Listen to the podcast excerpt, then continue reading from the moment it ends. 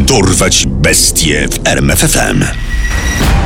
Imię i nazwisko. Clifford Robert Olson Jr. Miejsce i okres działalności. Kanada na początku lat 80. Ulubiony typ ofiar. Dzieci i nastolatki. Liczba znanych morderstw. 11. Skazany na 11 wyroków dożywotniego więzienia.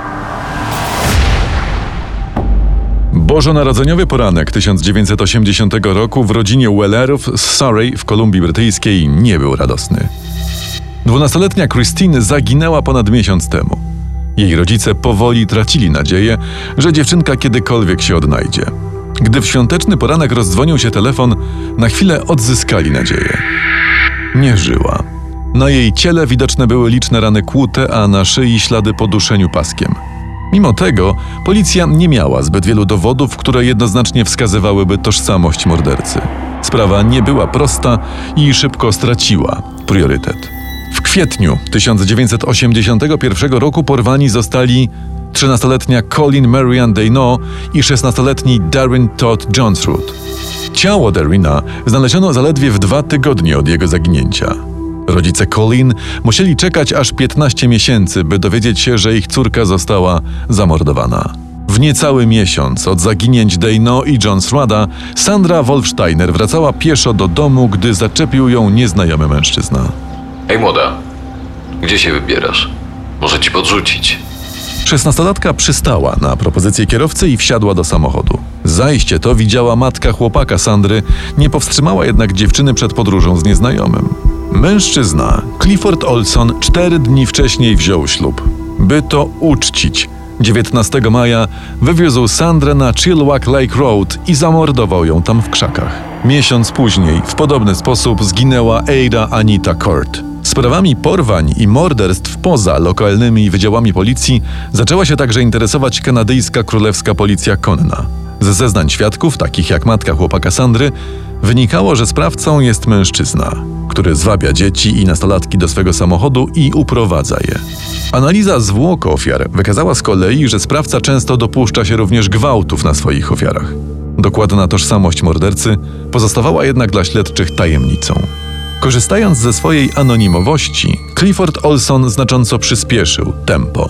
2 lipca porwał, zgwałcił i udusił dziewięcioletniego Simona Portingtona. 25 lipca policja znalazła ciało kolejnej ofiary w pobliżu jeziora Weaver Lake.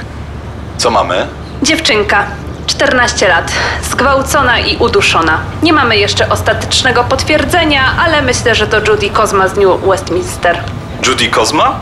Coś mi to mówi. Rodzice zgłosili zaginięcie dwa tygodnie temu. Cholera. Dwa dni przed odnalezieniem ciała Judy Kozmy zaginął także 15-letni Raymond King II. Chłopak również został zgwałcony. Zmienił się jednak sposób morderstwa. Raymond został zatłuczony na śmierć tępym narzędziem. 25 lipca, w dzień odnalezienia zwłok Judy, zginęła także niemiecka turystka Sigrun Arndt. Kobietę widziano wcześniej z tajemniczym mężczyzną w jednym z pubów i w pociągu. Osiemnastolatka, podobnie jak Raymond King II, została zgwałcona i zamordowana z wykorzystaniem tępego narzędzia. O jej śmierci państwo Arndt dowiedzieli się miesiąc później przez telefon od siostry pani Arndt mieszkającej w Vernon.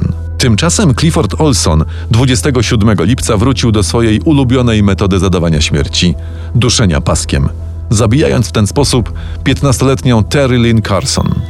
W lipcu udało mu się zabić jeszcze jedną ofiarę, Louis Chartrand. 17-latka zginęła 30 lipca i jest jednocześnie ostatnią znaną nam ofiarą Olsona.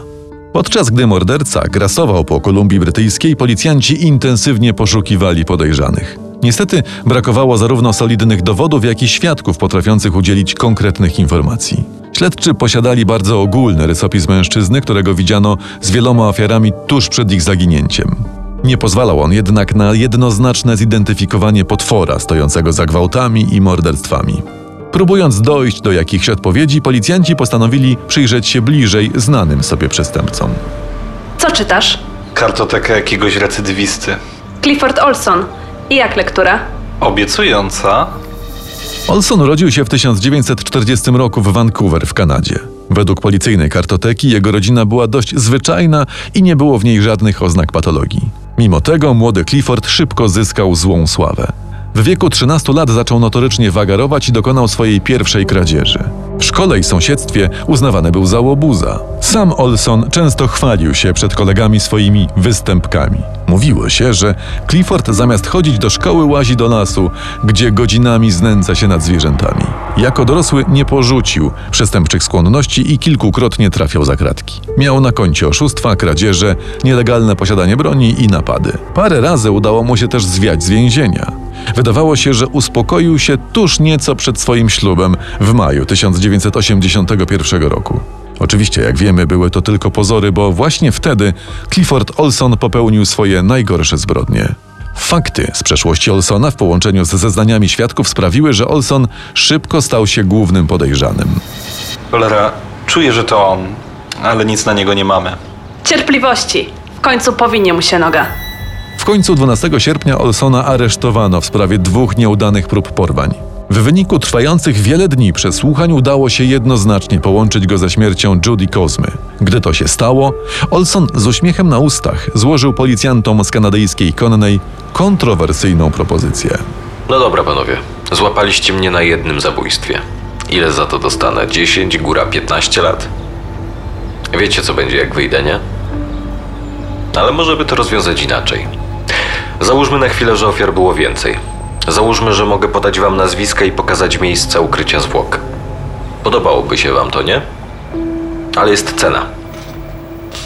10 tysięcy dolarów dla mojej żony i syna za każdą z ofiar. Piłka jest po waszej stronie. Mimo oburzenia, jakie mogło wywołać przystanie na warunki mordercy, kanadyjska konna zdecydowała się spełnić jego żądania. Olson wyjawił tożsamość 10 ofiar, za co do jego rodziny trafiło 100 tysięcy kanadyjskich dolarów. Gdy przelew trafił do żony, Clifford poprosił policjantów o jeszcze jedno spotkanie. Wiecie co, chłopaki?